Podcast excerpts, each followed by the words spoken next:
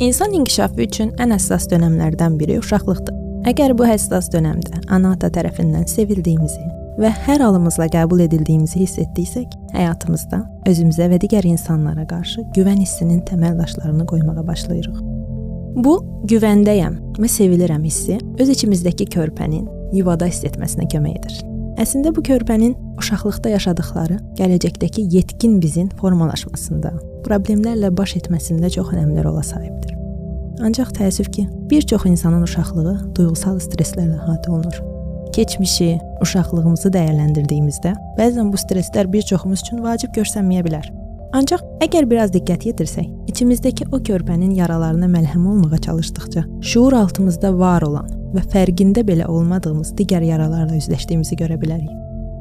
Ancaq yalnız biz o keçmişlə və keçmişin gətirdiyi yaşanmışlıqlarla üzləşməyə və qəbul etməyə hazır olduğumuz zaman içimizdəki o balaca körpə şuur altında var olan yaşananların yenidən ortaya çıxmasına kömək edər.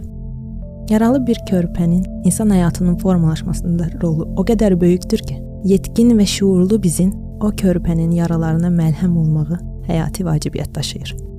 İçimizdəki körpənin travmalarını görməzdən gəlmək problemli münasibətlərə, fobilərə, asılılıqlara, özgüvən problemlərinə səbəb ola bilməkdədir.